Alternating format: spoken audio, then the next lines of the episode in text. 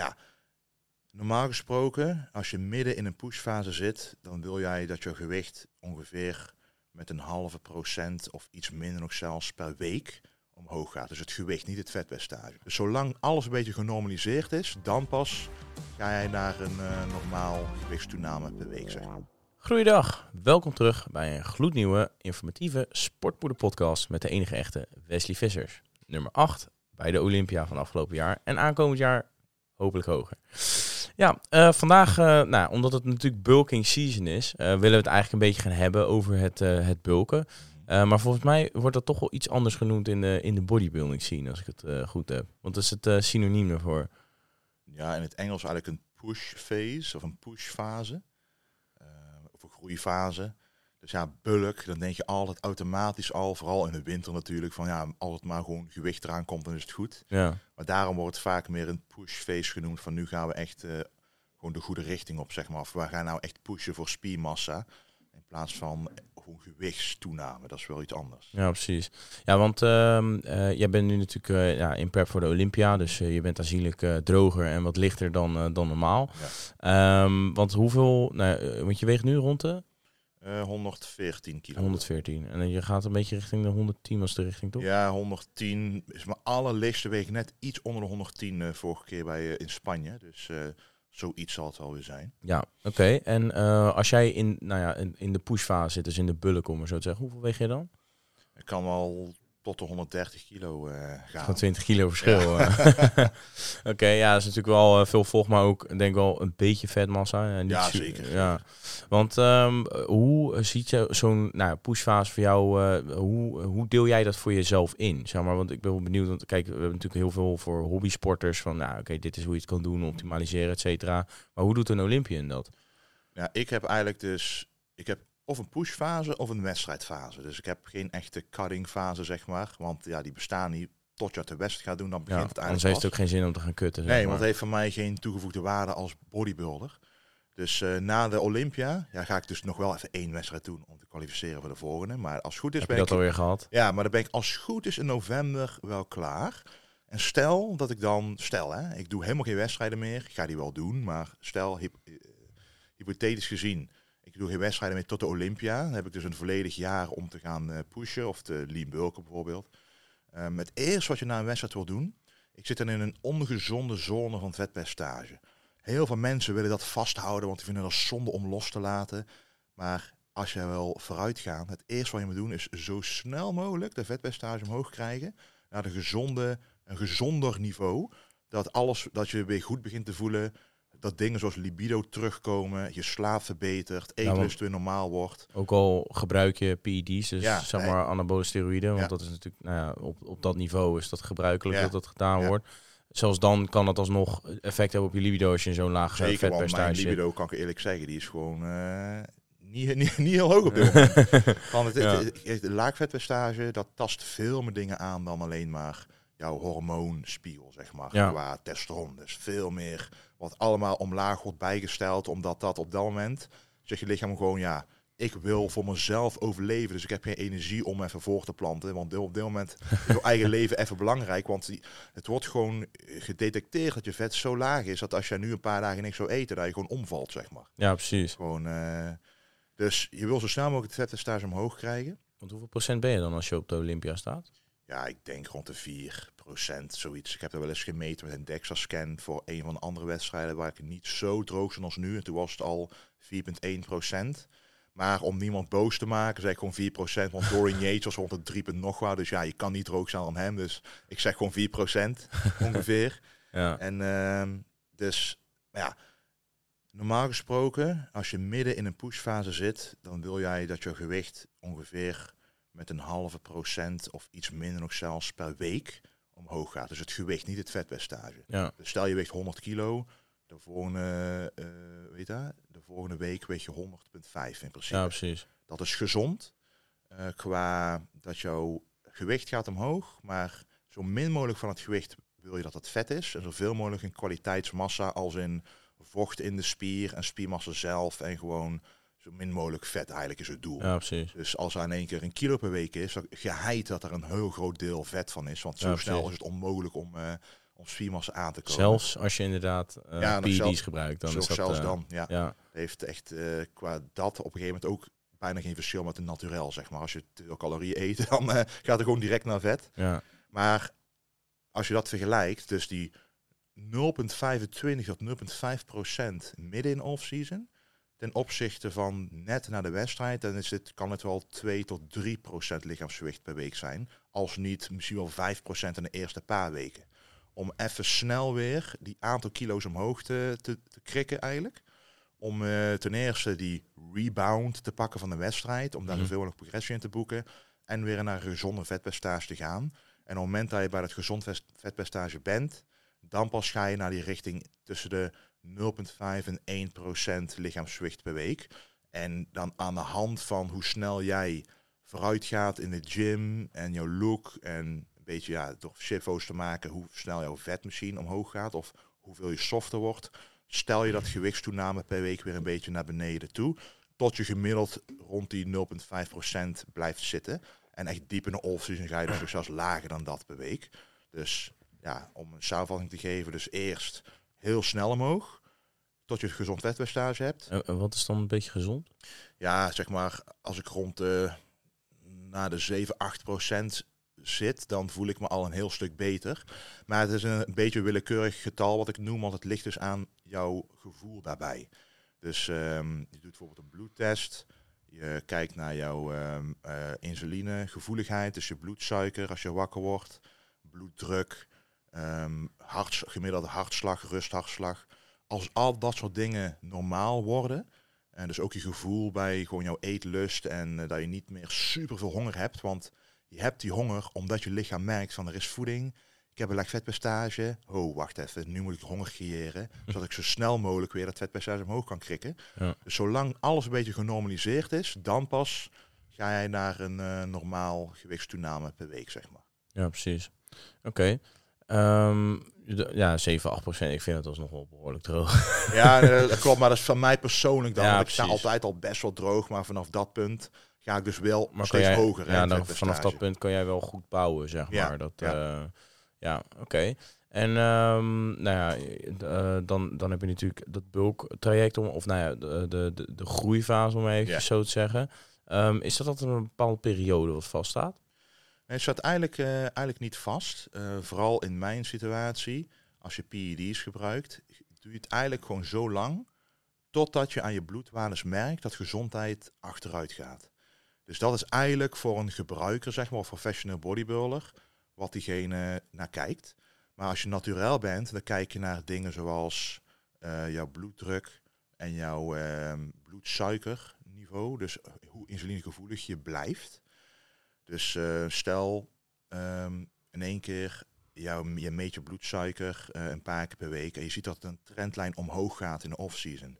En tegelijkertijd wordt je eetlust minder, jouw vet, je, merkt dat je softer wordt, progressie in de gym gaat iets langzamer. Dan is het eigenlijk tijd om het weer een beetje naar de andere kant te brengen qua voeding en qua activiteit. Dat je dus weer moet denken aan, misschien moet ik weer eventjes een eh, mini-cut gaan doen bijvoorbeeld. Ja. Die heb je dus ook. Dus stel jouw off-season zou je eigenlijk het hele jaar door willen zetten. Maar je merkt na 20, 24 weken van, ja eigenlijk ehm, zit ik een beetje vast qua progressie. Ik heb eigenlijk geen zin meer in mijn maaltijden. Heel veel factoren die je op kan noemen die passen bij een eh, laag insulinegevoeligheid. Dan zou ik wel een minicut gaan doen, bijvoorbeeld, bijvoorbeeld zes weken, dat je weer best wel diep gaat. Eh, en dat je weer die hongergevoel eh, laat opwekken. Dat jouw bloedsuiker weer omlaag gaat. En dat je eigenlijk weer zin hebt in jouw maaltijden. Ja. En vanaf dat punt kan je weer bijvoorbeeld die 20 weken gaan pushen. En dan heb je wel een volledige off-season eh, gedraaid eh, daarna, denk ik wel. Oké. Hey, en je zei het ook eh, in een andere podcast toen we het over de Olympia hadden. dat je die week eigenlijk niet te zwaar wil trainen. Dat je twee tot drie reps van falen af blijft. Dat je het even wel kon vergelijken met een deload week. Mhm. Ehm, hoe, wanneer hou jij bijvoorbeeld een deload week als je in die groei- of pushfase zit? Ja, in principe, ehm, dus op het moment dat jij merkt dat jouw eh, progressie een beetje aan het, eh, een plateau aan het bereiken is, dan hou ik er ook van om naast die minicut misschien één of twee weken een onderhoudsfase te plegen. Dat je dus eigenlijk wel dus in eerste instantie wat lager gaat qua voeding, maar tegelijkertijd ook jouw training gaat verlagen, intensiteit. Dus dat is eigenlijk een automatische deload om, om je weer voor te bereiden op weer een heftigere fase, die minicut bijvoorbeeld. Want dan heb je juist nog minder energie, nog minder calorieën Ja. die je tot je kan nemen. En die deload zorgt er eigenlijk voor dat je kan herstellen van die periode van tevoren. Dus die 20 weken misschien wel dat je hard aan het eh, pushen bent om sterker te worden. En die deload, dat is ongeveer dus een week, doe ik meestal. Ehm, dus bij is het automatisch in de peak week. Dus dan blijf je inderdaad een paar reps van falen af. Je doet één of twee werksets minder. Je doet misschien een oefening skippen die, waarvan je voelt van ja, die doe ik er meestal wel bij, maar die voel ik eigenlijk net wat minder dan de rest. Dus een voorbeeld te geven, je vindt een chest press heel fijn, een incline bench press heel fijn en een cable fly heel fijn, maar die dips die je daarna nog doet, daar dat vind je eigenlijk, zie je eigenlijk als een extraatje. Dus dat extraatje haal je dit keer gewoon weg. Want het is het doel, die deload week, om wel te stimuleren, maar wel gewoon te herstellen. Dus je wil niet, eh, je moet die deload niet, week niet zien als een groei iets, maar meer als een herstel iets. En is puur doordat jij die oefeningen blijft doen, herstel je eigenlijk sneller dan dat je een week helemaal niks zou doen bijvoorbeeld. Ja, precies. Oké. Hey, en eh, als je dan kijkt naar, ehm, want je deload week is natuurlijk ge- gebaseerd op de split die jij eh, doet op dat Mhm. moment. Ehm, zit er een verschil tussen jouw split tussen de, bijvoorbeeld de prep voor de Olympia eh, of gewoon überhaupt wedstrijden eh, en ten opzichte van de, de, de, pushfase waar je in zit? Ja, eigenlijk eh, blijft de split vrijwel gelijk. Enige wat erin verandert is dus de volume.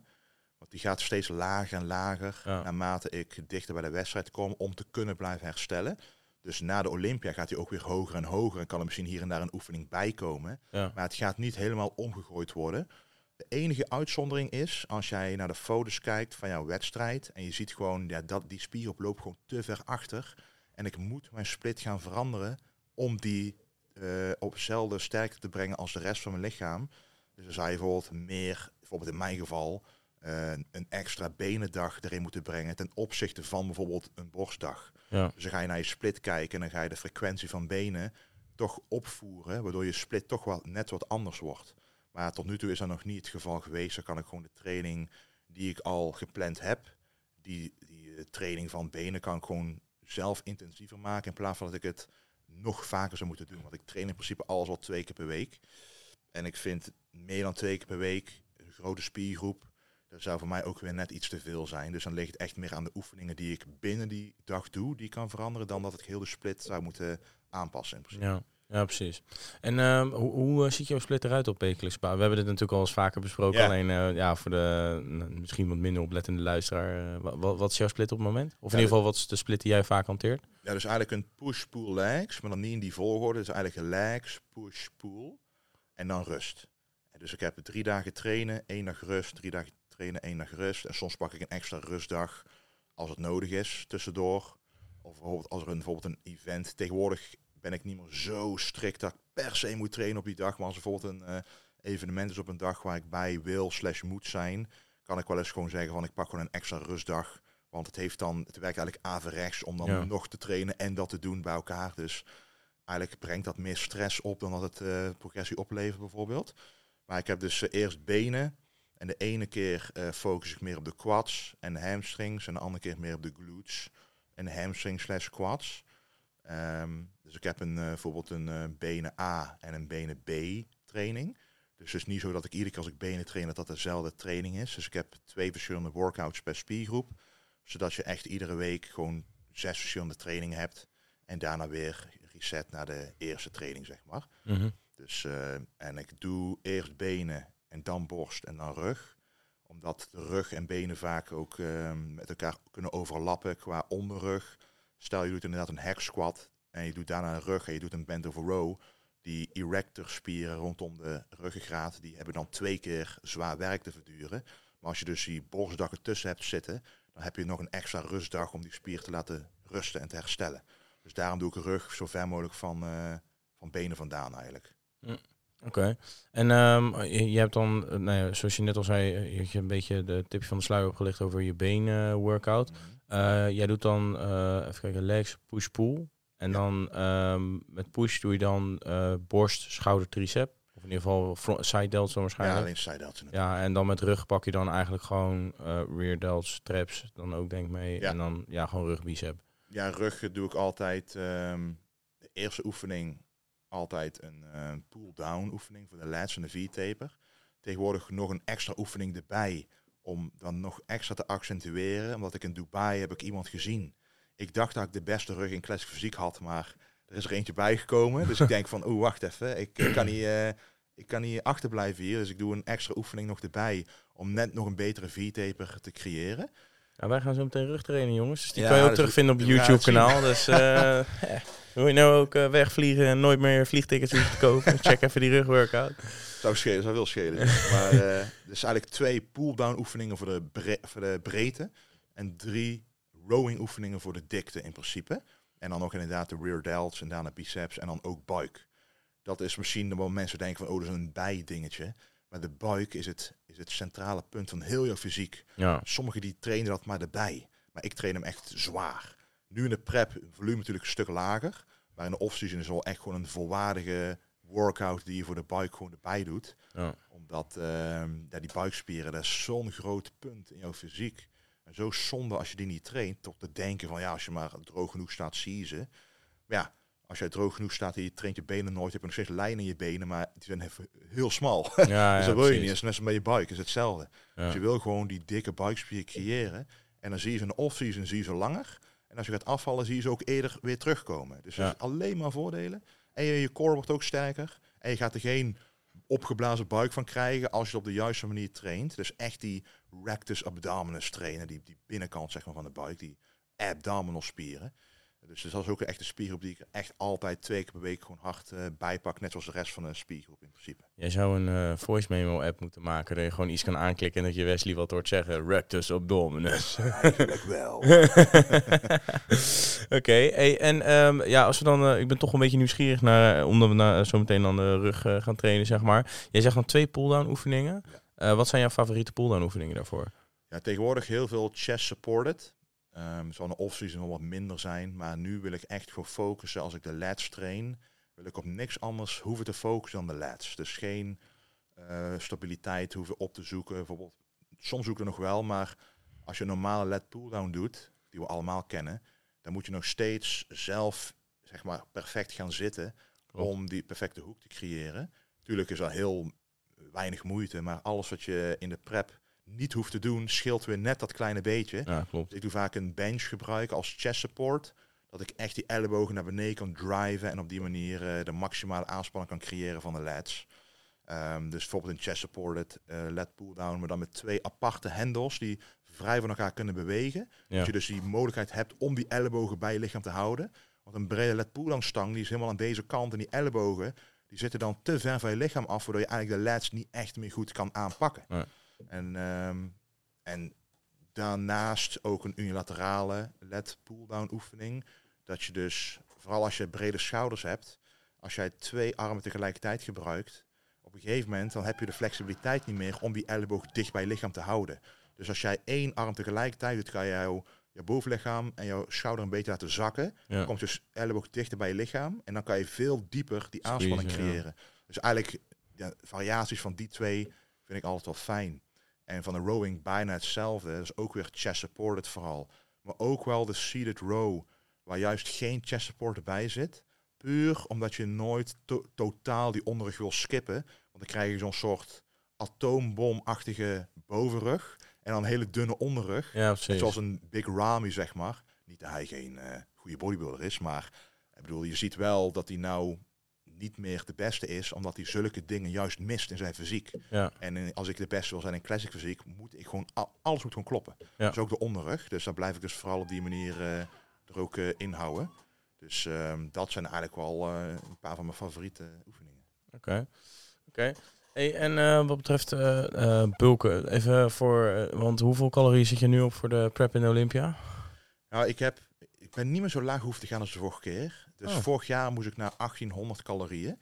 Maar dat heb ik niet, meer- niet meer hoeven te doen. Heeft eigenlijk deels met die slaap te maken die ik in de Olympia podcast had benoemd. Van ik slaap nu veel beter. Ja. Dus ik ben tot, denk ik, 23, 2400 calorieën gegaan.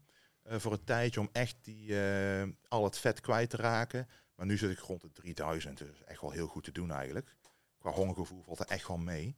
En ook zelfs op een hogere dag, zoals vandaag, boven de 4000. Ah. Dus dan zit het toch wel op een Oh, bulkniveau van de meeste, van de meeste mensen. Dus Ja. wat dat betreft eh, is het qua dieet echt een stuk meer te, beter te doen dan vorig jaar. Zie je maar, goed slapen loont. Ja, dat is, is echt. Hey, sorry dat ik je eventjes onderbreek, maar wij geven nu sinds kort een cashback actie weg, waarbij we dus 10 keer per maand mensen blij maken door hun volledige bestelling terug te betalen als je via de app hebt besteld. En als je dit kijkt, bestel je waarschijnlijk maandelijks wel supplementen, dus check even de Sportpoeder app en als je nou bestelt, doe dat dan via de Sportpoeder app en dan maak je dus kans op die cashback. Geniet lekker verder van deze aflevering. Ciao! Hey, hoeveel eh, calorieën zet je op als je in, eh, in de pushfase zit of in de bulk? En vorige keer zat ik op de 6000. Tandjes. Dus, eh, en dan, ik denk dit keer kunnen we best wel makkelijk hoger gaan. Want ik, als ik heel eerlijk ben, vorige keer dan eet ik best wel clean, maar nog niet zo clean als zou kunnen. Dus ik had heel veel eh, van die, eh, ik weet niet of, jullie, of iedereen die dit, dit kijkt dat kent, maar je hebt van die koekjes uit Amerika. Er zijn geen koekjes, maar er zijn echt koeken van 300 gram. Koeken. En Van die, van, die, van die ballen, zeg maar. Ja. En die moet je dan in de airfryer of de magnetron doen. Er zit er echt van chocola in, dat het helemaal soort van eh, smelt. Bijvoorbeeld dan zit er een chocoladekern in of zo. Of Lekker. In ieder geval- de smaak is gewoon ongelooflijk. Als je er één keer proeft, dan denk je van hoe heb ik dit nooit ervaren? Want is, eh, maar ja, daar is het dus het gevaar. Want eh, die kan je dus eh, allemaal bewaren. En eh, in de vriezer douwen. En je doet ze even ontdooien in de, airfryer. Je hebt gewoon een perfect eh, koekje, zeg maar. Maar die gingen dus eh, re- ja, niet heel vaak in, maar wel vaker dan goed was, zeg maar. en dat zijn eh, en, en bijvoorbeeld dan een keer ehm, in plaats van rijst, zou je dan friet uit de airfryer pakt. Maar dat mag dan wel eh, tijdens de... Of in ieder geval... Ja, het mag wel, alleen het is net niet zo goed als gewoon bij rijst blijven. ja. Dus dit Maar ja, keer... 6000 calorieën rijst. eh Nee, dat is, dat is ook niet te doen. maar de hele dan, winkel leeg eten. nee, precies. Maar als je het echt perfect wil doen, dan pak je bijvoorbeeld rijst, portie fruit erbij en dan dichtere vormen van koolhydraten zoals eh, die dadels of de rozijnen of eh, honing waar je erbij kan doen. Alles wat goed reageert met jouw lichaam, dus wat jouw vertering perfect houdt, daar moet je voor gaan in de off-season. En ik merk dat ik daar, ik denk 20% van de tijd niet voor ging. Waardoor mijn vetpercentage, het vetpercentage zag er nog steeds goed uit, maar het was wel hoger ten opzichte van wat het had kunnen zijn eh, als ik alles perfect had gedaan. Ja. Dus ik denk dat ik dit keer met, ik denk wel 6500 calorieën, misschien wel 7000, nog een beter resultaat kan bereiken en met minder vettoename. Puur omdat alles wat beter gesmeerd loopt, als ik het zo mag zeggen. ja. Natuurlijk heb je dan mensen die zeggen van ja, maar calories in, calories out. Dus hoezo kan je dan meer calorieën eten en minder vet aankomen? Uiteindelijk, als alles beter werkt, je bent gezonder, alles verteert beter, waardoor je dus makkelijker je stappen kan zetten, beter kan trainen. Dus je verbranding gaat dan toch indirect, zonder dat je het merkt, omhoog. En dan noemen ze ook wel de energy flux. Die energy flux, dat wil zeggen meer eten en meer doen. Eigenlijk dus als bodybuilder wil je zoveel mogelijk doen, zodat je zoveel mogelijk kan eten. En het is al bewezen dat hoe hoger die energy flux is, hoe betere prestaties en hoe betere resultaten je boekt als bodybuilder. Dus eigenlijk, als jij 10.000 calorieën zou kunnen eten en je verbrandt ook dicht bij die 10.000 calorieën, is beter dan dat jij eh 3000 calorieën eet en je verbrandt maar tegen de 3000 calorieën. Dus uit het netto resultaat is bijna hetzelfde. Alleen die energy flux bij die 10.000 calorieën is veel hoger, omdat daar meer uit kan worden geëxtraheerd, zeg Ja. maar, aan mineralen, voedingsstoffen, fytonutriënten en uiteindelijk ook wat je metabolisme gewoon verhoogt en verbetert. En daar geloof ik gewoon heilig in. En dat is eigenlijk bewezen bij iedere grootste bodybuilder ooit. Die eten gewoon superveel en die verbranden ook superveel. En die trainen super hard en die boeken de beste resultaten. Dus Ja. dat is ook niet voor niks. Maar, Oké. Hey, en eh, wa- want, nou ja, de, de Olympiërs zitten natuurlijk aan te komen. Ehm, daarna wil je nog even een wedstrijd pakken om je voor volgend jaar voor de zesde keer alvast even te, Ja, te kwalificeren. We kijken alvast vooruit. Ja.